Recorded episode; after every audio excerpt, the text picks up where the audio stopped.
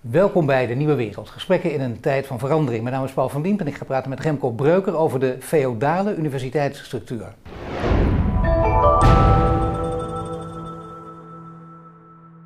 Remco, welkom.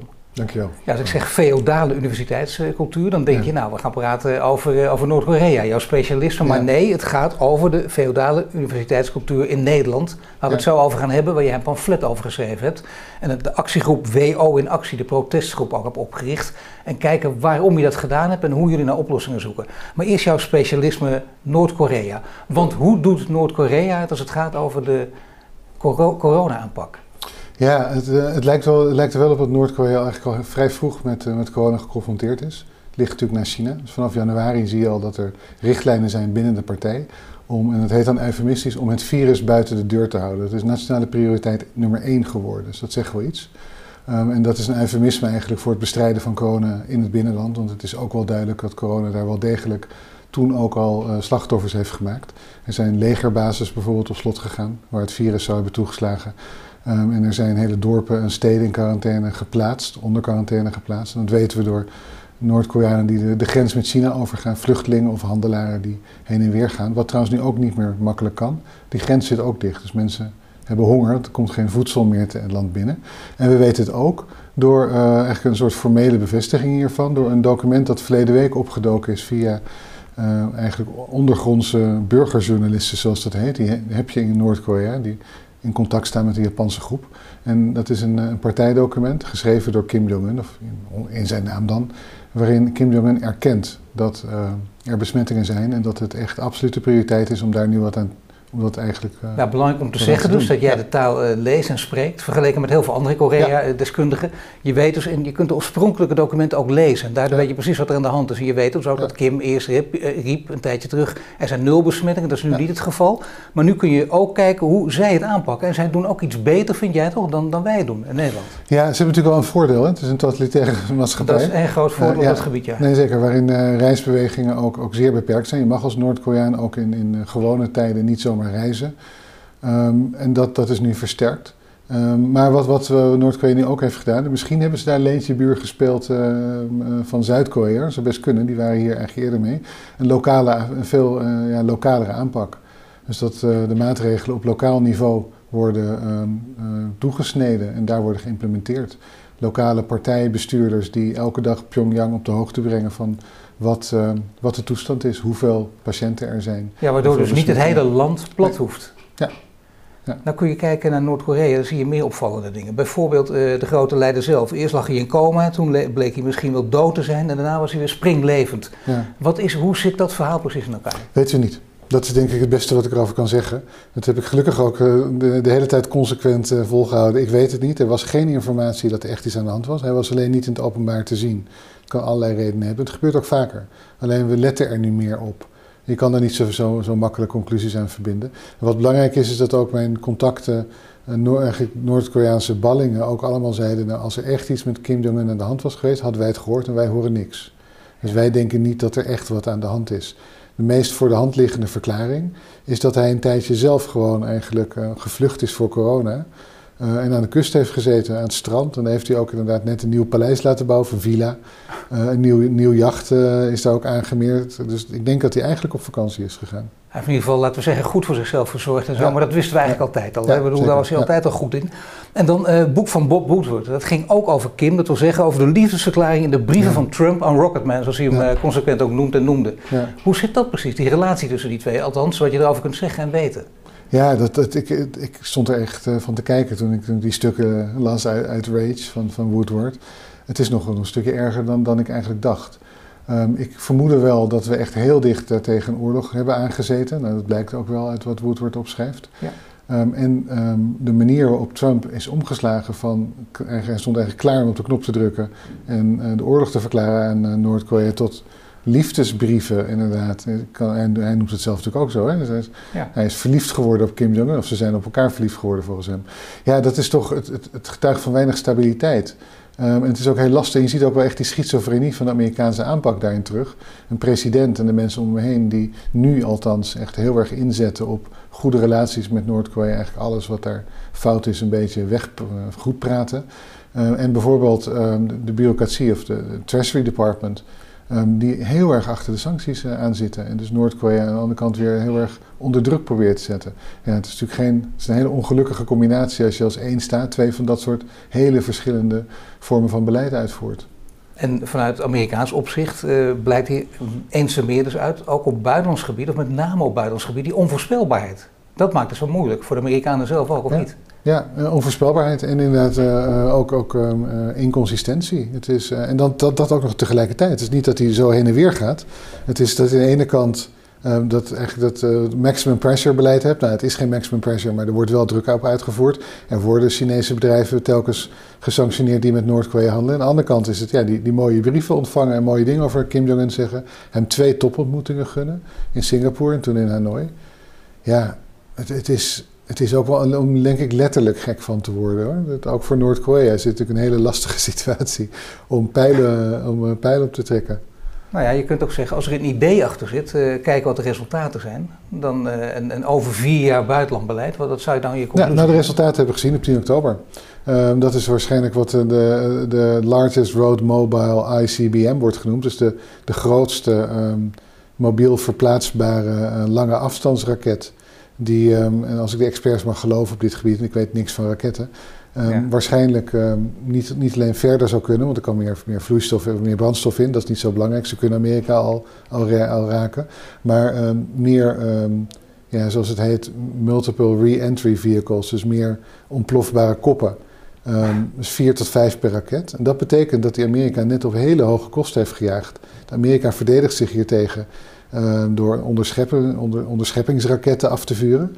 Maar ja, dan moet je dus niet per één Noord-Koreaanse raket vier tot vijf raketten geloof ik afvuren, maar nu vier tot vijf keer zoveel. En die dingen kosten miljarden euro's. Dus ja, Noord-Korea staat er veel beter voor dan, uh, dan voor Trump uh, aan de macht kwam, ben ik bang. En het heeft Amerika heel veel geld gekost.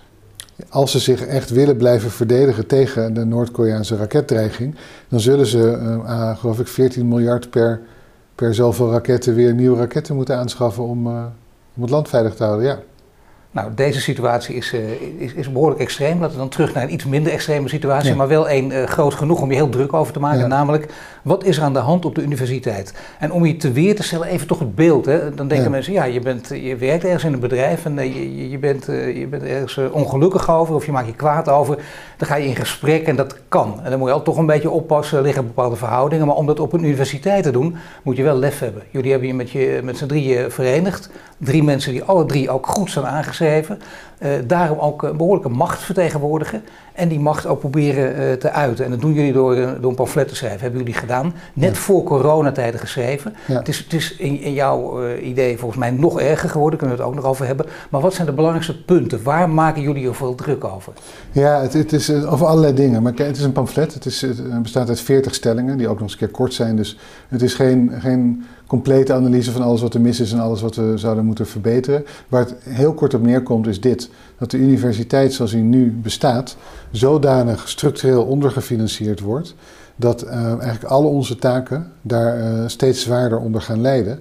Met als gevolg dat onderwijs en onderzoek en ook, ook outreach naar de maatschappij, maatschappelijke dienstverlening eigenlijk, um, niet op het niveau is waarop we dat eigenlijk zouden willen aanbieden. Maar ook dat, uh, um, dat hebben we ook gedaan in het kader van WO Actie, um, dat de gezondheid van universitaire medewerkers er echt onder leidt. En dat is, um, we hebben uh, een, een, aanklacht, of eigenlijk een, klacht bij de uh, arbeidsinspectie daarover ingediend. Of de vakbond heeft dat gedaan op basis van um, een, een, onderzoek onder ongeveer een petitie van ruim 700 wetenschappers of, of, medewerkers aan universiteiten. En wat je daaruit ziet is dat mensen echt opgebrand zijn, moe, gedeprimeerd, zich zorgen maken over hoe het verder moet, altijd maar aan het werk zijn. Kinderen die aan het vragen of papa of mama, hè, waarom, oh, je moet weer naar je baas toe op de universiteit, je hebt nooit tijd voor ons. Nou, het is allemaal, dat klinkt allemaal heel sentimenteel, uh, maar het is, het is wel echt, ik, ik zie het zelf ook, toen ik het zelf las.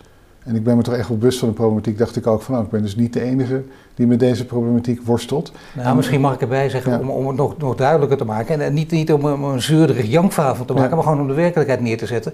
Je hebt het zelf ook echt meegemaakt. Daar gaat het om. Je kijkt niet van ja. afstand naar. Je hebt het meegemaakt. Je hebt elk jaar op een randje van een burn-out. Je hebt trouwens ook een keer echt een burn-out gehad. Ja, nee, klopt. Ja, en ook daar ben ik niet uh, een uitzondering in. Uh, ik, ik heb wel geleerd uh, dat ik dat niet wil wegstoppen. Dus ik praat daarover.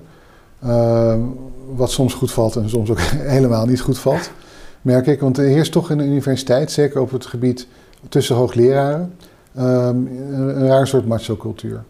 Uh, waarin het eigenlijk niet, niet oké is om jezelf zo kwetsbaar op te stellen. Ik denk ik niet trouwens dat ik me kwetsbaar opstel. Ik voel me er eigenlijk beter door, door dat te doen en ook krachtiger. Maar die kritiek heb ik ook wel gehad hoor, ook van collega's, ook collega's die ik helemaal niet ken. Maar in welke zin? Dat je de vuile was buiten hangt? Of nee, of, nee dat niet, want we weten allemaal wat er mis is. Um, en is het wel anders. Kijk, ik zit in de geesteswetenschappen. Dan zit ik ook nog eens een keer um, bij Koreanistiek. En bij ons, op de Korea-studies zoals ze ons tegenwoordig noemen, um, bij ons is, het, is die druk wel echt hoog. Uh, omdat we heel hard gegroeid zijn. Um, Maar het, het geldt, uh, en ik kan me voorstellen bij medicijnen, bij de beta-faculteiten, de techniekfaculteiten, de problematiek iets wat anders is. Maar ook daar klagen ze terecht ook hoor, over te weinig geld. Ze kunnen niet toe met het geld dat ze hebben om hun studenten op te leiden. Om ervoor te zorgen dat het onderwijs, het onderzoek um, zo uh, het beste van, nou ja, niet het beste, maar bij de top van de wereld altijd kan blijven meedraaien. Want Nederland doet het ontzettend goed in de internationale ranglijsten. We, produceren maar, we presteren maar. Maar het hebben we gedaan. We teren eigenlijk op investeringen uit het verleden, die zijn nu op. Dus, en dat is een van de, de dingen die we ook in, in dit pamflet zeggen. Um, dat wij eigenlijk door ons eigen extra structurele overwerk, waarvoor we niet kunnen worden uitbetaald zelf, staat in de CAO, um, 30 tot 40 procent um, van de opleiding van studenten betalen op die manier. Als je dat af en toe doet, is één ding. Maar als je dat structureel moet doen en als je het niet doet, dan dondert de boel in elkaar. Dan denk ik dat het tijd is om eens goed te kijken naar waar je mee bezig bent. En maar dat waarom zijn er dan collega's? Waarom zijn er dan collega's die dan toch zeggen: dit moet je niet doen? Of die kritisch op je zijn? Of die in ieder geval, of de record vooral dingen tegen je zeggen die niet zo prettig zijn? Ja, nou ja, kijk, dat inhoudelijk kritisch, dat juich ik toe. Want we hebben de wijsheid niet in pacht en we kunnen heel goed hier foute inschattingen hebben gemaakt. We hebben er zorgvuldig over nagedacht. We staan hier achter, maar het laat onverlet dat we op een gegeven moment misschien over sommige dingen moeten zeggen: verkeerd gezien, dit moet anders. Of dat onze oplossingen inderdaad niet werkbaar zijn. Prima. Dat soort kritiek, ook al is het harde uh, kritiek, vind ik onprettig, maar ik vind het wel goed. En, ja. uh, maar het is juist de kritiek die zegt: ja, maar wij doen dit niet. Wij treden hier niet mee naar buiten. En dat is. Um, ik weet niet meer wie dat zei, maar goed, iemand had het over dat de universitaire wereld, academische wereld, houdt niet van losers. Ja, kijk, en dat is het soort, um, wat heeft de, de, de, de um, Maastrichtse rector, Rianne Letschert, heeft dat heel mooi uitgedrukt. En dat zijn een soort narcistische bokito's, waar de, waar de universitaire wereld er te veel van heeft gehad. En die echt nu in de pas moeten gaan lopen. Dus beter met hun mensen moeten omgaan, ook met zichzelf hoe komt het? Dat je, dat, want daar kun je van leren. Dat zo'n structuur heeft kunnen ontstaan. Dit is een feodale structuur met inderdaad, zij zei dat, narcistische bokito's. En die kunnen dan toch vrijelijk hun gang gaan. Dat, is, dat is toch wel heel opvallend in Nederland. Hè? En jij helemaal. Ik bedoel, je kijkt naar Noord-Korea, je denkt ik woon in een vrij land. De verschillen moeten groot zijn. Hoe kan dat? Wat is de nou, reden dat het zo zijn, zijn ook wel groot hoor. Ik bedoel, Natuurlijk, maar toch, hoe hebben we zo ver kunnen komen? Ja, dat, dat, het is denk ik, het heeft heel veel te maken met de invoering van de, van de, de, de, um, de wet op de modernisering van universitair bestuur in 98, waarin toch echt de zeggenschap van de werkvloer voor een groot deel weggenomen is. En, en naar bestuur. Naar bestuurders is gegaan. En die moeten Als je dat in het middelbaar onderwijs ook hebt gezien. Ja, ja, daar weet ik minder vanaf hoor, maar ik, in, in het WO heb je dat, heb je dat zeker gezien. Um, en die moeten gewoon ook die moeten hun relaties met Den Haag goed blijven uh, goed houden, in, uh, normaal gesproken. En dat begrijp ik ook. Maar ja, als daar ook alle, alle besluitvormende macht ligt, dan is dat echt heel lastig voor de werkvloer, die steeds minder kan zeggen: dit gaat niet goed, we willen het graag zo, we willen het graag zo, we willen het graag zo. natuurlijk is er medezeggenschap en die kan goed werken, um, maar dan is de, het aandeel van uh, de, de en dan heb ik het niet alleen over wetenschappers, dan heb ik het over iedereen. Dan heb ik ook ondersteunend uh, personeel, zonder wie er überhaupt geen college of onderzoek zou worden gedaan. En, en werkelijk van, van portier tot, uh, tot, tot, tot IT-deskundige, uh, tot, tot docent, iedereen. Um, zou eigenlijk veel meer verantwoordelijkheid moeten kunnen dragen voor het werk dat hij of zij zelf doet. En het is nu toch veel te veel ingericht dat je luistert naar wat er wordt gezegd. En dat doe je. En de universiteit is per definitie niet dat soort instelling. We zijn, gaan, uh, we zijn eigenlijk we zijn een bedrijf tot op zekere hoogte geworden. En, en, je gericht bent, juist, en gebaand bent bij vrijheid. En in vrijheid kunnen denken en handelen. Precies, en dat, is ook, en dat blijkt ook uit elke, wetenschap, elke wetenschapper en zeker elke wetenschapsfilosoof of wetenschapshistoricus zal je zeggen dat de wetenschappelijke uitvindingen uh, en inzichten waar de mensheid gewoon het meest aan heeft, die zijn niet met een bepaald doel of uh, voor ogen gedaan. Dat is, dat is fundamenteel onderzoek. Nieuwsgierigheidsgedreven onderzoek. Waar later toepassingen voor zijn gevonden. Maar toch zijn er blijkbaar veel hoogleraren die wel degelijk gedijen in dit systeem. Ja, maar als ik heel eerlijk ben, ik gedij ook in dit systeem. Ik deed het goed, ik doe het nog steeds goed. Ik publiceer, ik haal mijn grote beurzen binnen. Ik heb nu gekozen om dat anders te gaan doen. Dat is mijn keuze. Dit is niet geschreven wat mij betreft, en trouwens Ingrid en Rens even, eh, evenzeer. Je hebt ook een vaste aanstelling, dus je, hebt ook, je bent ook een man met macht al, ja, nee, maar geen zin meer om aan de spelletjes mee te doen. Nee, dat is jouw inderdaad, het, is niet goed voor mij, maar het is ook niet goed voor de mensen om me heen. Het is ook niet goed voor de mensen waar ik verantwoordelijk voor ben. En ik zie dat niet alleen bij mij, ik zie dat gewoon om mij heen. Dus het is, het, het is niet iets geschreven van mensen die aan de zijlijn staan en van ja, ehm, om de een of andere manier houdt dit systeem ons buiten de deur? Nee, wij hebben meegedraaid in het systeem. Dat is ook iets, denk ik, waar we onze rekenschap, in ieder geval ik mezelf, uh, dat zou Dus je hebt ook een tijdje, als, nou, als je heel kritisch op jezelf bent, dan heb je dus ook een tijdje al gewoon weggekeken. Nee, nou ja, weggekeken niet, denk ik, maar ik heb het wel niet goed gezien. Ik heb wel de verkeerde beslissingen genomen, absoluut. Ja. Dat, uh, aan de ene kant ben ik daar ook wel blij om. En dat is hartstikke hypocriet van me. Als ik het niet had gedaan, had ik niet bij de stoel gezeten. ja, het is wel zo. Maar je hebt onbewust de, de, de, verkeerde beslissingen genomen die nou, goed zijn uitgepakt? Ik heb de, de, verkeerde redeneringen gemaakt, denk ik. Het was niet onbewust. Ik was erbij. En ik was helemaal niemand heeft me gedwongen kun je om een voorbeeld geven? Want dat, dat is, dat is de, de, essentie waar het om gaat. Nou ja, de, druk, de druk die je legt op jouw mensen om, om eh, meer en meer college te gaan geven. Um, en nou geloof ik, eh, er zijn alle drie trouwens hoor, uh, Rens Bot en Ingrid Robijns ook, en ze zeggen ook heel uitdrukkelijk hierin, wat universiteiten universiteiten maken is niet alleen het onderzoek. We zijn niet mensen die alleen maar in ons kamertje willen zitten of in ons lab of waar dan ook, onderzoek deur dicht, de wereld blijft buiten. Nee. Als ik het hoor, ik krijg wel eens verwijten van de Ivoren Toren. Ik zeg, nou ja, laat hem maar zien. Want als hij er is, klim ik er echt in hoor. Ik heb wel genoeg maatschappelijke outreach gedaan. Ik kan hem niet vinden. En afzien daarvan, ook principieel, ik doe heel graag onderzoek. Ik trek ook af en toe graag die deur achter me dicht. En voor de rest is dat onderwijs ontzettend belangrijk. Het is, ook, het is leuk. Ik leer er ook veel van. Dat is, geen loze kreet, maar jullie, dat is denk ik iedereen die onderwijs geeft weet dat op het moment dat jij het aan anderen moet gaan uitleggen, dat er toch kwartjes voor jou ook op een plaats gaan vallen. Dus dat onderwijs is heel belangrijk en dat moet je ook niet wegvlakken. En ook de beste hoogleraren aan ja. eerstejaars college laten geven bijvoorbeeld. Absoluut. Ja hoor, nee, absoluut. Dat, uh, ja. Maar het betekent ook inderdaad dat je, je moet ook een minimum aantal uren onderwijs geven.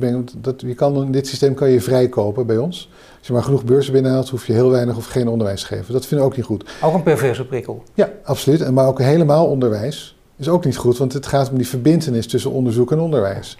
Nou, en, dat, en daar heb ik mezelf ook schuldig aan gemaakt. Dat ik ook tegen mijn mensen heb gezegd, omdat ik dacht van ja, dan werk je wat harder. Ik was net benoemd als hoogleraar. Dan maak je, je maakt, ja, ik maak nog steeds wel veel uren, maar toen helemaal. Dan denk je van, joh, dan zet je even dat tandje erbij. Ja, af en toe vind ik dat prima. En af en toe mag je als werkgever ook best zeggen, jongen, dit, nu bijvoorbeeld corona. Noodsituatie, uitzonderlijke situatie, als het begint het steeds normaler te worden. We moeten nu een tentje bijzetten. Wat je nu ziet, is dat er eigenlijk niet over wordt geklaagd. Behalve als het niet gaat. Mensen werken gewoon ook echt veel meer dan ze deden.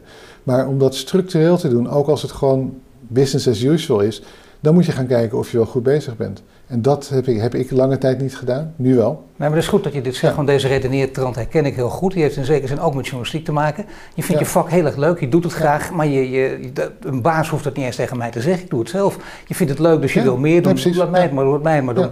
Tot je inderdaad een bepaalde grens tegenop loopt. Maar toch, uh, het is, geeft wel aan dat je, je moet ook niet zo'n, als ik het plat mag zeggen, niet zo'n zeikertje zijn dat zegt, wacht even, het is nu vijf uur, ik ga naar huis.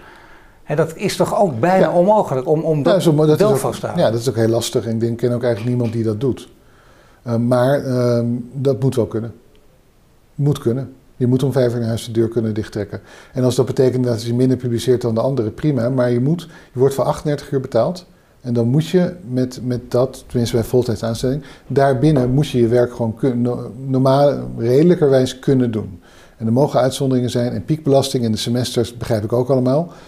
Maar ja, ik denk dat gemiddeld uh, wordt toch echt wel ruim 25 tot 30 procent structureel overgewerkt. En dat is te veel, want er staat ook niet. Het wordt ook telkens meer. En wat je ook ziet is dat taken worden verdrongen. Um, bij de geestes, bij ons is het zo dat we 80% onderwijs doen en 20% onderzoek. Nou, als we ons daarin kunnen houden, ben ik al blij. En dat is, het is echt heel lastig om je onderzoek te doen. Dus wanneer doe je het onderzoek? In de vakanties, in de avonden, in de weekenden. Als je niet aan het nakijken bent, als je niet je college nou ja, het leidt inderdaad tot burn-out, tot uitgebluste mensen die je niet willen. Dan ben je, als je, als je inderdaad dat leven leidt, dan ben je 50 of 55 volledig cynisch en uitgeblust. Dat is duidelijk. Ja, dat ja, kan ook dat is, dat is voor Dat moet wel heel leuk vinden en, en dat kan niet. Er zit ook heel veel vervelende routinetaken aan vast die erbij horen. Dus dat moet allemaal binnen die tijd kunnen. Maar ja, dat kost geld, dat kost een hoop gedoe. Uh, dat vereist dus ook uh, verschuiven van macht, van bestuur naar de professional. Dat is misschien wel de allerbelangrijkste zaak die, die, die zo plaats moeten vinden. Is daar enig zicht op? Want jullie hebben natuurlijk eh, de boel opgeschud hè, met, met deze pamfletten. Je hebt van binnenuit keihard de kritiek gegeven. Je bent ermee naar buiten getreden. Je hebt de, de, de, opmerkingen gehoord nu van alles en iedereen. En hoe reageren de bestuurders? Die vinden dat niet prettig, want die moeten dus, uh, als ze jou gelijk geven, een deel van hun macht afstaan. Ja, nou dat is wel, dat vonden we ook wel spannend hoor. Ik zeker. Um, hoe, reageren, hoe, reageren, onze eigen bestuurders? Hoe reageert mijn rector, mijn CVB? Dit is, uh, we, zeggen, uh, ja, wij hebben het idee dat we um, truth to power spreken, maar dat doet pijn. Dat is niet leuk. Het is niet leuk om te doen, het is ook niet leuk om die kritiek te krijgen. Dus kritiek is niet persoonlijk, maar die kritiek naar bestuurders is er wel. En daarbij in acht genomen dat zowel Ingrid, Rens en ik ook bestuurlijke functies hebben of hebben gehad. Ja. Niet op het niveau van CVB. Nog even voor de duidelijkheid, jij, waar, waar ja. zitten Rens en Ingrid? Wat, wat is hun achtergrond? Dat, dat ja, Ingrid, diversiteit Ingrid Robijns is uh, hoogleraar uh, ethiek van instituties aan Utrecht aan de Universiteit van Utrecht. Uh, Rens Bot is um, hoogleraar, even kijken, ik hoop dat ik het goed zeg, computationele linguïstiek en digital humanities. En hij is een, een, eigenlijk een alpha en een beta.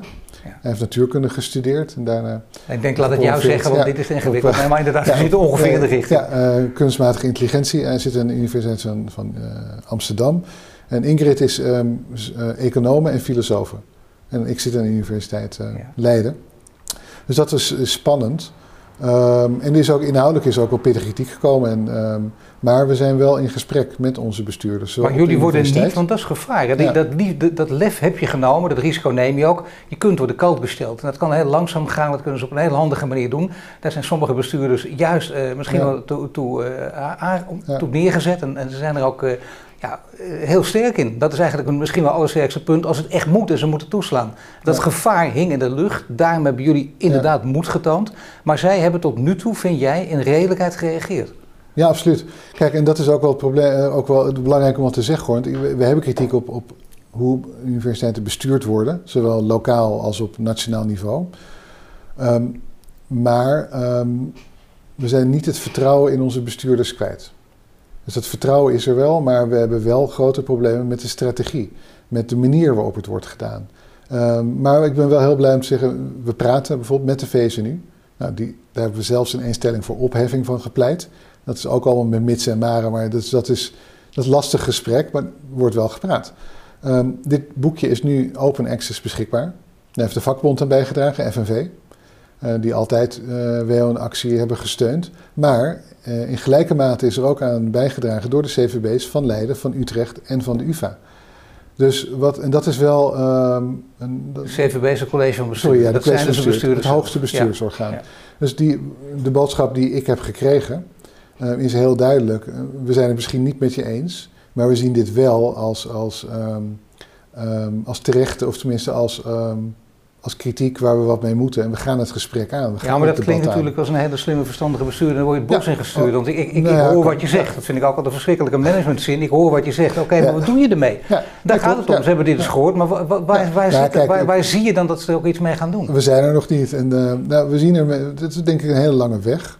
Um, en die is niet alleen op bestuurlijk niveau. We moeten niet alleen met onze bestuurders praten. We moeten ook, en dat is nog wel belangrijker, met Den Haag praten. We moeten de politiek zover krijgen dat ze inzien dat ze oerstom. En ik heb daar werkelijk geen enkele partij van uitgezonderd. Er zijn er wel een paar partijen wat filijner en wat um, erger dan andere partijen. Dat ze oerstom met het onderwijs omgaan. Ik zal beperkt tot WO hoor. Ik weet te weinig over, over PO en, en ja, nee. VO en MBO om daar zinnige dingen over te zeggen. Maar ik zie wel überhaupt publieke sector, ik zie daar wel heel veel overeenkomsten. Kijk, wat we doen, we leiden natuurlijk een groot deel van de Nederlandse jongeren op. Het zijn dit, vandaag was het volgens mij het nieuws, hè, dat er, of gisteren, meer studenten dan ooit, meer dan 300.000 in ja. 20 jaar is verdubbeld. Meer dan ooit. Door corona, ze hebben bijna allemaal, of ze hebben allemaal hun diploma gekregen. En eh, omdat ze niet kunnen reizen, hebben ze ook geen tussenjaar. Dus uh, dat zijn belangrijke verklaringen daarvoor. Maar meer dan ooit uh, toestroom van studenten. Dus Den Haag juicht, kijk eens fantastisch. En de universiteit ook, want per student wordt je betaald, er komt meer geld ja, maar je wordt per Zeker als je zo makkelijk laat studeren. Ja, maar je wordt per student steeds minder betaald. Dus de druk op, op, op de docenten, en nee, moet niet alleen docenten zeggen, de druk op de, de medewerkers van de universiteiten wordt steeds groter en hoger en hoger en hoger. Um, en daar wordt echt te weinig aan gedaan. Maar toch even Remco voor de duidelijkheid. Het systeem, voor de buitenstaander ook. Het systeem is zo ingericht nog steeds. Als jij twijfelt bij een student, geef ik hem een 5 of een 6. En daarvan hangt af of hij zijn diploma wel of niet krijgt. Als jij dan een 6 geeft, dan is dat financieel aantrekkelijker voor de universiteit. Ja. Nou ja, we hebben daar op, eh, met name met HBO een tijd geleden natuurlijk hele grote crisis ja. om gezien. En uh, die zie je hier dus ook aankomen als je dit systeem voortzet. Ja, zeker. Volkomen, ja. volkomen verkeerde prikkels gaan hier dus van uit. Nou, daar is de, de, de, politiek ook wel achter dat, daar wat aan, dat ze daar wat aan moeten doen. Maar waar ik op zit te wachten, en het, het, eh, het Centraal Planbureau zou dat doorrekenen, um, namelijk wat een universiteit oplevert. Dus niet alleen de kosten die een universiteit maakt, en die zijn er, en die worden grotendeels door het Rijk gedragen. Wat ook terecht is, want het, het, uh, het hoger onderwijs en het wetenschappelijk onderwijs moet voor iedereen die um, de vermogens en, en, de motivatie heeft om dat te doen toegankelijk zijn. Niet alleen voor diegenen wiens ouders het kunnen betalen. Um, maar het wordt niet berekend, het wordt gezien als een kostenpost en niet als een investering. En ik zou heel graag willen zien, en ik snap niet dat dat niet kan. We zijn in Leiden wel bezig om te kijken of we dat kunnen laten uitrekenen. Onder andere met Karel Stolker, dus onze rector en voorzitter van, van het college van bestuur. Wat nou uh, een universiteit oplevert over 10, 20, 30 jaar. Wat gebeurt er als wij onze universiteiten, als ze morgen weg zouden zijn? Zouden we nog wel kunnen meedraaien? Waar zijn de artsen? Waar zijn de advocaten? Waar zijn de kritische denkers? En dat is iets waar niet over wordt nagedacht. En er wordt toch echt vaak in de politiek, een ontzettend cliché.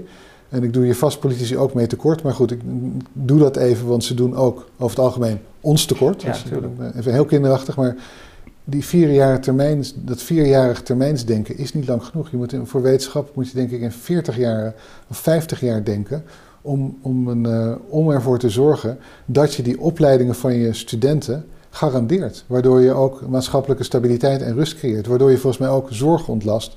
Want mensen met, met, die goed zijn opgeleid worden minder snel ziek, blijkt ook. Ja, dus toch is een termijn van 40, 50 jaar heel lastig. Dat zien we ook in de klimaatdiscussie. Ja. Uh, als de urgentie er is, elke dag uh, maar uh, bang maken, besmettingen, besmettingen. Ja, daar willen we op reageren en dan wordt het beleid gevoerd.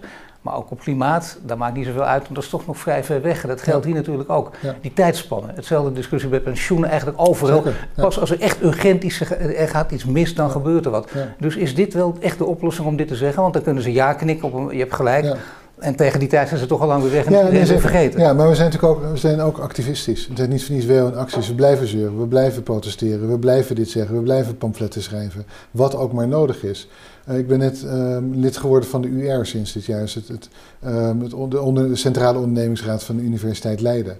Dus we zeggen, we gaan niet weg. Maar mag ik even, ik, nee, dat is geweldig. Zo moet het ook natuurlijk. Ja. Dat is de manier hè, om het steeds voortdurend ja. naar buiten te brengen. Voortdurend ook in de publiciteit dit naar buiten te brengen. Ook nog. Maar uh, je hebt het niet voor niks over werkdruk. Ja. Dit lijkt me helemaal werkdruk opleveren. Naast het drukke werk dat je al hebt, dan dit ook nog. Ja, dat is een belangrijk punt wat ik nog helemaal niet heb genoemd. En dat is ook wel inderdaad iets wat ik terugkreeg op een gegeven moment van uh, mijn leidinggevende. Van, moet je dat nou wel erbij doen? Je klaagt geloof over werkdruk.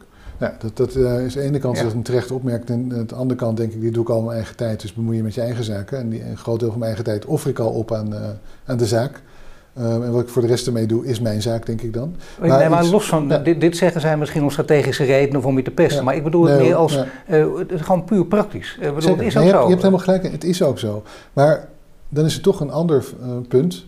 Nu, een heel idealistisch punt, denk ik. Maar ik vind het toch heel belangrijk, want het werkt in de praktijk bij mij wel. Um, ik, ik, stond inderdaad een paar keer op de rand van een burn-out. Elk jaar aan het einde van het was het gewoon weer raak. Van wat moet ik nu doen? Moet ik muziek melden of niet? Nou, elk jaar heb ik het net niet gedaan. Um, tot inderdaad, ik, de, de bedrijfsarts, uh, het zijn allerlei verschillende bedrijfsartsen geweest. Maar één daarvan zei, um, die frustraties en, en, en, die negatieve emoties, ik begrijp het, ik zie ook waar het vandaan komt. Ik zie, denk niet dat je iets aan die structuur kunt doen. Nou, ik denk dat, daar denk ik anders over. Maar, goed. maar doe er nu iets mee wat je wel kan. doe er iets positiefs mee, iets constructiefs. Dat was heel goed advies. Dat heb ik gedaan. Toen ben ik bij WL in actie gegaan. Het was trouwens opgericht hoor. Ik was niet bij de oprichting betrokken. Rens Bot heeft het opgericht. ben er later bijgekomen. En dat wat ik daar vond, en dat vind ik ook in Leiden hoor. Het is niet alleen maar uh, ellende. Er zijn ook heel veel goede dingen. Daarom de, krijg ik ook te horen. Ja, als je het zo kloten vindt, ga dan weg. En denk ik van ja, het is ook wel een makkelijke oplossing. Als ik weg wil, dan ga ik weg. Maar ik wil niet weg. Ik wil hier graag blijven. Maar het kan beter. En uh, ik, vind, ik zie geen enkele reden om, uh, om me daar niet nee, aan Ik vind dat je dat wel tegen mensen mag zeggen die echt alleen maar zeuren en totaal niet over oplossingen willen nadenken. En alleen maar klachten hebben. Ja, dat, eh, dat zie je vaker. Mensen met klachten die moet je niet willen oplossen, want die komen daarna weer met nieuwe klachten. Dat zijn beroepsklagers. Maar jij bent iemand die iets wil veranderen. Dan moet je het juist wel doen. Dus inderdaad totaal onterechte kritiek. Daar ga je mee door. Dan wil je wel dat, dat je groeit en dat je aandacht nee, precies. En dat, dat kan ook heel goed. En wat ik bij WO in actie zag en wat ik op de goede momenten en de goede plekken ook in Leiden zie, is die academische gemeenschap. Die gewoon echt heel veel kracht geven. Dat zie je ook op een DS bijvoorbeeld. Als je met z'n allen eigenlijk een feestje viert omdat het is. Met duizend mensen in de kerk en daarna een borrel. En um, er worden liederen gezongen, weet ik het allemaal. Ze Allemaal dingen die niet meer kunnen en mogen, ja. zeg, nu het even opzegt. Uh, nee, nu zou het niet meer kunnen. Nee, dat zal voorlopig niet doorgaan. Daar gaat er zo'n mooiheid. maar het, is, het is heel veel, er zijn heel veel oude tradities die toch ervoor zorgen dat je een gemeenschap bent. En dat is wat we hier ook mee bedoelen. En ik zeker. We willen die gemeenschap terug. En een gemeenschap valt of staat eigenlijk met inspraak voor alle leden. En sommigen inderdaad moeten knopen doorhakken, die hebben meer inspraak. Maar het gevoel dat je geen inspraak hebt, is de dood voor elke gemeenschap. En toen ik bij WO, ik kom bij, af, bij antwoorden, ik maak een omweg, bij je vraag, sorry, maak een lange omweg. Toen ik bij WO in actie ging, merkte ik ook een heel duidelijk gevoel van gemeenschap. Het is een anarchistische bende, waar ik, me heel erg goed bij voel, blijkt. Um, en Rens, Ingrid en ik treden vaak naar buiten omdat we die, die publieke profielen hebben. Omdat we hoogleraar zijn en dus minder kwetsbaar. Dat is, ik bedoel, zo, dat zo, zo vervelend is het toch ook wel. En jullie willen ook niet wegduiken, hè? gelukkig nee, maar. We zijn, we, zijn ook, we zijn ook gewoon minder kwetsbaar. Ehm, maar wat ik, wat, waarom ik erbij, waarom dit eigenlijk geen druk op mij heeft gelegd, is omdat als je in zo'n zo'n zo'n gemeenschap actief bent, dat het heel veel um, eigenlijk negatieve emoties oplost. Het zet het om in wat beters. Je krijgt, er, er energie van. Dat is ook eigenlijk als je college geeft. Het kost hartstikke veel tijd. Je moet voorbereiden. Soms is de materie moeilijk. Soms is het gewoon lastig om met sommige studenten om te gaan. En toch, als je uit de collegezaal wegloopt, heb je meer energie dan als je naar binnen ging. Dat is dit ook weer een actie. Dus, en uiteindelijk staat het ook voor mij wat ik graag op grotere schaal in Leiden, in Utrecht, in Maastricht, al die universiteiten zie. Een, een gezondere academische gemeenschap waarin je inderdaad zelf verantwoordelijk bent voor wat je doet. En dat je niet allemaal verteld hoeft te worden. Maar toch, hè, die, die arts, die, jou, die keuringsarts die jou op een heel goed idee bracht, gaat dit, die, die, die wanhoop bijna omzetten in iets constructiefs. Dat heb je gedaan. Goed advies, maar hij zei toch tussen neus en lippen door, dit gaat je niet lukken. Dat zeggen mensen heel vaak als je echt systeemveranderingen tot stand wil brengen. Doe het nou in kleine stapjes, dat snappen ze nog wel, maar systeemverandering, dat is veel te groot, dat moet je niet doen. Nou, heel vaak hebben we in de geschiedenis gezien dat het wel degelijk kan. Staan we nu ook op zo'n moment, want er is toch van alles aan het veranderen. Het is ook, je zou bijna zeggen, uitgerekende tijd, als je dan iets wil doen om dat nu ook te doen, dat je hier ziet dat er ook werkelijk iets is. Dus meer gebeurt dan alleen maar een bestuurder die, die je een, een, een klein snoepje geeft of een klein stapje vooruit laat zetten. Ja, ik, ik, hoop het wel echt. En ik, denk, ik merk, ik, ik, ik, hoop niet dat ik te positief, te optimistisch ben. Nou, daar word ik zelden van beschuldigd dat ik te optimistisch ben. Dus, nou, moet je kijken. nee, dat, als ik denk inderdaad dat de bestuurders wel serieus met ons praten. Uh, en niet noodzakelijk met ons eens zijn. Maar goed, ik vraag het ook niet om wie dan ook het met ons eens te zijn. Uh, we willen maar je wel, vraagt ze ook natuurlijk wel om hun eigen positie op te geven. Dat is bijna altijd. Dat zullen mensen in andere ja. beroepsgroepen die dit zien ook herkennen. Nou, ik denk dat er genoeg, genoeg macht overblijft. Ik denk, als ik heel eerlijk ben, dat het voor bestuurders ook uiteindelijk... Nou goed, ik weet niet of het voor bestuurders prettiger is als inderdaad goed gemeente mee gaat praten. te veel, maar voor sommige bestuurders wel. Ik denk dat heel veel bestuurders er wel mee kunnen omgaan, sommige niet. Nou ja, dan, dan jammer, dan heb je je tijd gehad. Uh, maar ik, ik denk, ik, het kan heel goed en er zullen wel grote veranderingen komen, want er komen meer studenten. We zijn nog lang niet door die coronacrisis heen. En we zullen toch ook heel goed moeten nadenken over hoe we met, uh, met buitenlandse studenten omgaan. Hoe we met, um, ja, er zijn, er zijn, ontzettend veel problemen waar ik in mijn eigen onderzoek ook al ben tegenaan gelopen. Namelijk um, de interferentie, eigenlijk of interventie soms ook van andere staten. Ja, dat heb je, dat, dat zijn allemaal dingen waarover je moet nadenken. Dus maar wat doe je daarmee? Wat, kun je dat even aangeven? Wat is er dan gebeurd? Nou, wat bijvoorbeeld in het FD uh, stond over, over de samenwerking van Nederlandse universiteiten met China. Ja. Um, en dat, heeft niet iedereen gelezen, hè? dus even ja, precies, want dat is nee, wel belangrijk. Dat, dat inderdaad um, toch heel veel wordt samengewerkt uh, met, met China, een staat die zich toch heel erg um, van een hele totalitaire kant heeft laten zien. Een staat die culturele, tussen haakjes cultureel, de genocide aan het plegen is op de Oeigoeren in Xinjiang ook een hele belangrijke partner voor de meeste universiteiten, Leiden ook. Ja, dat zijn toch dingen waar je over moet nadenken als je een, bolwerk van vrijheid bent. Wat Leidse motto Wat doen ze met de kennis die ze komen weghalen? Nemen ze die mee bij Wat doen ze met de kennis? Ja, inderdaad. Ja, en wat voor lastig pakket breng je jouw studenten en je collega's met die nationaliteit als je inderdaad hier wat mee doet? Dus dat zijn, zijn echt heel veel. En kijk, dat, dan, zou, dan zou je denken, nou, wat heeft China nou te maken met die 40 stellingen? Uh, maar een, de, waar, wij, waar wij naartoe willen is een krachtige, onafhankelijke universiteit. Die alles kan zeggen wat de universiteit, wat de mensen, wat de wetenschappers denken te moeten kunnen zeggen. Die divers is, en dan heb ik het niet alleen over diversiteit in achtergrond en afkomst, maar heb ik het ook over diversiteit in meningen. Ja. En dat moet allemaal binnen zo'n universiteit kunnen. En daarvoor moeten we echt onafhankelijk zijn. Dus daarvoor moeten we eigenlijk dus ook een ander plan kunnen trekken dan onze overheid. Ja, en dat zijn dingen waar nog heel veel werk denk ik te verrichten is. Want zolang wij zo afhankelijk zijn van die overheidsfinanciering, is dat lastig. Nee, dat zijn natuurlijk de grote vragen. Dus die overheidsfinanciering, moet, dat, dat is precies, als die op de schop gaat, dat is ja. de systeemverandering. Omdat die al dit soort gevolgen uh, letterlijk ten gevolge heeft. En, de, is, dat is lastig. Er is natuurlijk een andere oplossing dan die wij voorstellen. Wat wij eigenlijk willen is gewoon meer geld van de overheid. En dat, en dat, uh, dat klinkt allemaal makkelijk, van heb je weer die leie wetenschappers die komen bedelen. Nee, wat we willen eigenlijk is dat we worden betaald voor het werk dat we verrichten. Wat een vrij normaal geaccepteerde norm is in Nederland. Want op dit moment worden we niet betaald voor het werk dat we verrichten. Um, en wat, een andere oplossing is natuurlijk dat we het, eh, de kosten verhalen op de consument, zoals de, de student ons toch ook wel, ja, dat, dat concept wordt ons ook wel eigenlijk tegen heug en meug uh, gevoerd. Dat, dat, studenten klanten zijn. Nou ja, prima. En klanten betalen voor hun, hun product. Op dit moment betalen ze collegegeld dat voor studenten hoog is, ben ik me heel erg van bewust, maar dat er geen verhouding staat tot wat ze krijgen. En dan is, krijg je het Amerikaanse model. Dan gaan we, weet ik het, 40.000 euro per jaar per opleiding vragen. Wil je daar naartoe? En dat zijn vragen waar we echt, niet alleen met bestuurders, maar met, met de hele Nederlandse samenleving. Nou, dat laatste wil je natuurlijk niet, omdat je dan weer een hele. Dan, ga je juist die ongelijkheid, die, die toch al groter wordt, nog groter laten maken natuurlijk. En dan wordt het bijna een definitieve kloof tussen beiden. De universiteit moet een open instelling zijn. En dat betekent dat er over alles bijvoorbeeld moet worden gediscussieerd. Alles moet kunnen worden onderzocht. Wetenschappelijk onderbouwde mening moet altijd kunnen worden geuit. En het moet open zijn voor iedereen die daar uh, wil en kan studeren. Maar hele belangrijke grote thema's die op tafel legt. Daar moet je niet alleen over nadenken, ook meteen inderdaad actie voeren, althans actie ondernemen. En dan kijken welke kant het op gaat, of er iets kan gebeuren. Ja. Uh, je hebt het over de politiek, ja. je noemt de minister niet. Lijkt me nog een belangrijke speler in het geheel. Mm, ja, wat wat heb je aan deze minister? Ja, dat is de reden dat ik de minister niet noem, omdat ik niet het idee heb dat ze een belangrijk speler is geweest. Nee. En dat, dat vind ik heel vervelend. Ja. Um, maar ik moet zeggen, de, de, paar keer dat ik haar, met haar heb gesproken, een hele, heel prettig mens. Maar um, als minister heeft ze, heeft ze, ons geen goed gedaan. Ook, nee, maar dan kun je zeggen, mijn buurvrouw is ook een prettig mens. Ja. Maar uh, kijk, het gaat om dat ze minister is. En dat ze daar gewoon de werk goed moet doen. En dat nee, ze ook hier nee, oog heeft voor wat er aan de hand is. En ja, dat, dat of ze het oog heeft, wellicht wel. Maar het heeft zich niet vertaald in, in activiteit. Het heeft zich niet vertaald in daadkrachtig optreden. Het heeft zich niet vertaald in weerwil van wat D66 volhoudt. En dat moet ik in, in alle openheid zeggen. Ik ben zelf lid van D66 in weerwil van wat D66 voorhoudt, is er niet meer geïnvesteerd in het hoger in het wetenschappelijk onderwijs. Misschien absoluut, maar kijk naar die toename van studenten. Dus dat is een beetje een retorisch trucje. En waar, we, waar ik een beetje mijn bekomst ook van heb. Ja. Kijk, er is gewoon heel veel mis en het kan worden aangepakt. We, we, hebben een ontzettend goede uitgangspositie. We hebben hele goede universiteiten die als we boxers zouden zijn, eigenlijk zoals een Amerikaans wordt gezegd, punching above their weight. Ja. Als je ziet wat we doen met het geld dat we hebben, het kan helemaal niet. Nee. En ik hoor wel eens inderdaad van, van vrienden of ook van niet-vrienden uit het bedrijfsleven, ja, gaan we in het bedrijfsleven werken. Kijken hoe je dat volhoudt. Ik wil het graag omkeren. Laat maar eens een keer een succesvol ondernemer bij ons werken en doen wat wij doen met het geld dat we niet hebben. Dat, is, dat is echt vrij wonderbaarlijk. Um, en dat is, een, maar goed, om terug te komen op de vraag.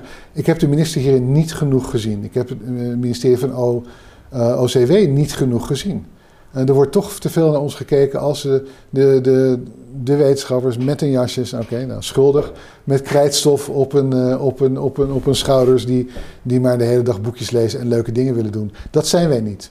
Uh, en ik heb nog steeds niemand van OCMW en ik heb al een paar keer gevraagd: kom, loop maar met ons mee. Loop maar een week, twee, drie weken met mij mee. En zie waar ik me mee bezig ben. Ja, dat vind ik het onbegrijpelijk ja. dat ze dat gewoon niet doen. je hebt af en toe, je hebt ook de onderwijsinspectie uh, die, die, overal komt kijken. En die komen altijd kijken op het moment dat iedereen weet: ja, dan heb je alles even mooi uh, voor elkaar gezet. En die dag, god, wat gaat het toch goed vandaag? Daar gaat het natuurlijk niet om. Nee, je het gaat inderdaad gewoon de dagelijkse werkelijkheid. En dat, is, en dat is ook waarvoor de, de politiek ook de ogen voor proberen te openen. Want nu was het ook weer Eppo Bruins, geloof ik, die zei dat de universiteiten academisch resistent voor verandering omdat we tegen bezuinigingen waren. Ja, ja en dan denk ik, dan, dan weet je gewoon niet wat we doen, blijkbaar. Of je wil het niet weten. Nou ja, het is ook natuurlijk een soort cynische houding dat je denkt, je zegt dit wel, maar elk jaar over het geld. Maar kijk eens, het jaar is afgelopen en dan komen zij met cijfers. Inderdaad, vaak het retorische trucje erbij. Maar zie je, het is toch goed gegaan. En over drie, vier jaar, als iedereen echt omvalt, dan zijn zij weer weg. Dat is het probleem, hè? Dat ze nooit op lange termijn ja, zullen En er is, ook wel, er is ook wel echt goede wil bij politici. Bij sommige politici die inderdaad wel inderdaad met ons meedenken en proberen hieruit te komen. Waar we ook niet op alle punten het helemaal mee eens zijn, maar daar, daar, daar vraag ik ook niet naar. Maar naar die basisvoorwaarden, adequate financiering, want we vragen niet meer. We vragen geen mooie gebouwen. We vragen geen, geen extra lange vakanties. Wat we vragen is adequate financiering voor ons onderwijs, onderzoek en outreach. En ook voor studenten, hun opleiding, de kwaliteit van de opleiding zal echt beter worden als wij meer ruimte hebben om na te denken over wat we doen. Ik denk dat je deze strijd, als ik je zo hoor, dat je die natuurlijk alleen maar kan winnen als, als, als intern de boel op orde is. Daar bedoel ik mee dat in ieder geval, uh, laten we zeggen, de gemeenschappelijke hoogleraren enigszins op één lijn zitten. Want het hoort bij het vak, juist allemaal eigenwijze mensen, dat moet ook, gelukkig maar. Allemaal andere meningen. Jij noemde net je eigen club in anarchistische band, dat mag het daar ook zijn. Maar uiteindelijk hoop je wel dat ze dan deze standpunten uh, voor, voor zoveel mogelijk delen. En dan is de kritiek van bestuurders misschien wel terecht, want jij zegt dat gebeurt niet, want er lopen heel veel narcistische bokito's rond. Even wijs naar uh, mevrouw Maastricht die dat de baas daar op de universiteit die dat gezegd heeft, mevrouw Letchert. En dan uh, zeggen de bestuurders, ja maar luister even, waarom hebben jullie die narcistische bokito's niet aangesproken op hun gedrag? Ja, dat kan je doen. En dat, dat, dat is, blijkt ook uit het rapport dat over Leiden is geschreven, dat degene die dat doet eerder weggaat dan de narcistische bokito in kwestie. En dat is een van de punten, daar hebben we nog helemaal niet over gehad. Maar omdat de universiteit zo, zo sterk verhiërarchiseerd is, ja. Waarin en, en, mensen denken altijd dat de hoogleraar macht heeft. Nou, het is absoluut waar. Een hoogleraar heeft meer macht dan iemand die geen hoogleraar is. Dat is gewoon zo. Maar het zijn de mensen met de bestuurlijke functies, ook vaak hoogleraren trouwens, niet altijd. Dat zijn degenen die de, de knopen moeten doorhakken. En daar heb je niet heel veel tegen in te brengen. Um, en als er op zo'n positie iemand zit die goed is, en het is vaak zo, um, die inderdaad luistert naar je omdat hij naar je wil luisteren en niet omdat het moet, dan gaan dingen wel goed. En dan, kan, dan word je gehoord als je het niet mee eens bent. Er kan nog steeds een, iets maar uitkomen. Maar Bokito, dat is nou precies de eigenschap daarvan. Uh, dat kun je bij de, bij de wetenschappers op dat gebied raden gaan praten met de gemiddelde psycholoog. Die zegt ook, die houdt niet van kritiek. Nee.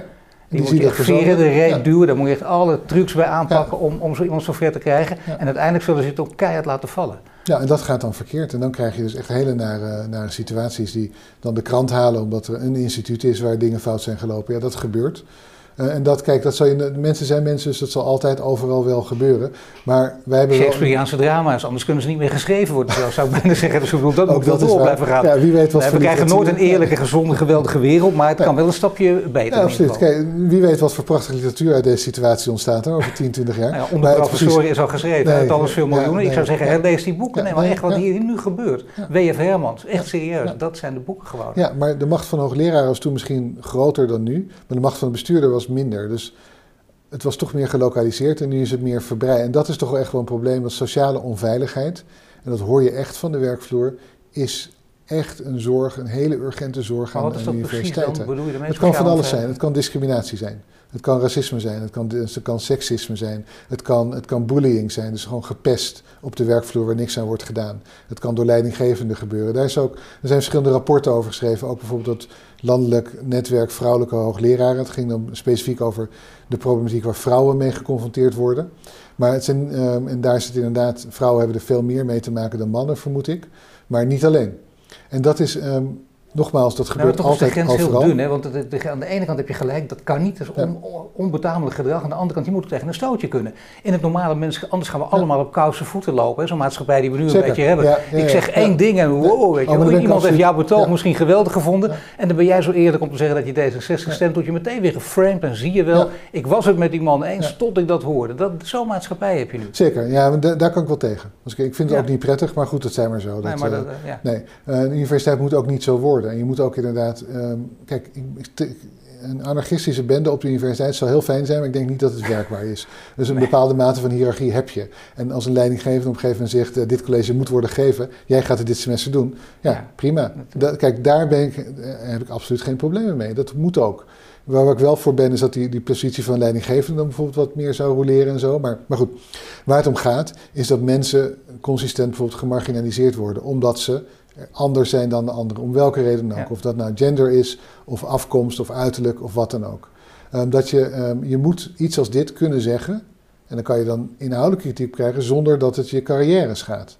Ehm, en dat, dat zijn dingen waar ik niet altijd zeker van ben dat het overal zo is. En ik zie toch wel structuren. En dat is waarom de universiteit feodaal wordt genoemd. Waarbij je afhankelijk bent van de persoon die ehm, eigenlijk op, op de plek zit die je de lakens uitdeelt. En wat zo moet zijn is dat ook al zit daar gewoon een absolute autoritaire um, eikel, dat hij zo door de structuur eigenlijk in, in toon wordt gehouden dat hij niet alles kan doen wat hij zou willen doen. En nu is dat vaak niet zo. Nu, als daar inderdaad, inderdaad zo'n Bokito zit, dan heb je een probleem. En ik wil echt naar die structuur toe. één, dat die Bokito's niet op die plek worden gekozen. En als het gebeurt, dat de structuur zodanig is en dat de collega's allemaal zeggen: nee, dit gaat niet gebeuren. En wat je nu ziet, en dat is ook een woord dat toch wel valt, als het, en dat, bestuurders geven dat trouwens grif toe, zien het ook als een groot probleem: angstcultuur. Um, dat mensen bang zijn om zich uit te spreken. En dat heeft ook weer te maken met die onderfinanciering van de universiteiten, waardoor zoveel van mijn collega's op tijdelijke, onvolledige aanstellingen zitten. Ja, en als die zich uitspreken, dan zijn zij niet meer degene die aan een beurt komen als er weer een baantje te vergeven is. Dat is een hele ongezonde toestand, waardoor je eigenlijk meer slikt dan je zou moeten slikken. En dat is ongezond, want als je dat soort ellende slikt, dan, dan manifesteert zich of geestelijk of lichamelijk op negatieve wijze. En dit is allemaal, volgens mij zeggen we niks nieuws in het boek. Helemaal niks. We weten het allemaal. We bewijzen ook niks nieuws. We hebben het alleen maar bij elkaar gebracht, dat heb ik nog een keertje gezegd. We weten dit allemaal. En ik vind het toch wel een aanklacht naar ons allen dat we hier te weinig gaan doen. Als we het weten, als we het zien. En natuurlijk zijn er instituten waar het goed loopt en universiteiten waar het minder ernstig zal zijn dan andere. Maar we lijden allemaal onder die, eh, onder die onderfinanciering. En ja, op de een of andere manier leidt dat niet tot actie. En dat vind ik ja, wel verbazingwekkend. Maar jij doet dat wel, je hebt er moed voor nodig, je hebt er ook strijdbaarheid voor nodig. En dat is goed, ik zie jou na uh, ruim een jaar weer. En ik merk dat je inderdaad, uh, het heeft je ook, ook goed gedaan om dit te doen. Zelfs in coronatijden, met al die online colleges die vermoeiend genoeg zijn. maar dat is dat op een of andere manier werkt het toch goed voor jou, denk ik. Nou, WO in actie is denk ik, uh, is voor mij persoonlijk, lichamelijk en geestelijk, echt een heel goed medicijn geweest. Absoluut. Ik ben er, ik ben er beter uitgekomen dan, ik, dan toen ik erin ging. Ja. dat is een hele egoïstische manier, denk ik, om er naar te kijken. Ik hoop ook dat het wat het andere wat, brengt. Mijn, mijn, maar zeker mijzelf heeft het, heeft het veel opgeleverd. Ja. Nou ja, goed, nee, natuurlijk. Omdat je dit nu durft, dat je merkt dat je ook mensen met je meekrijgt en dat er inderdaad een mogelijkheid bestaat tot verandering. Dat je niet in, in, volledige lethargie en cynisme gaat belanden. Nee, zeker. En dat is denk ik toch, dat, het, het sleutelwoord voor mij is dan toch de gemeenschap daar. Ja. Dus een kleine WL-actie is natuurlijk een, een kleinere gemeenschap dan een universiteit is.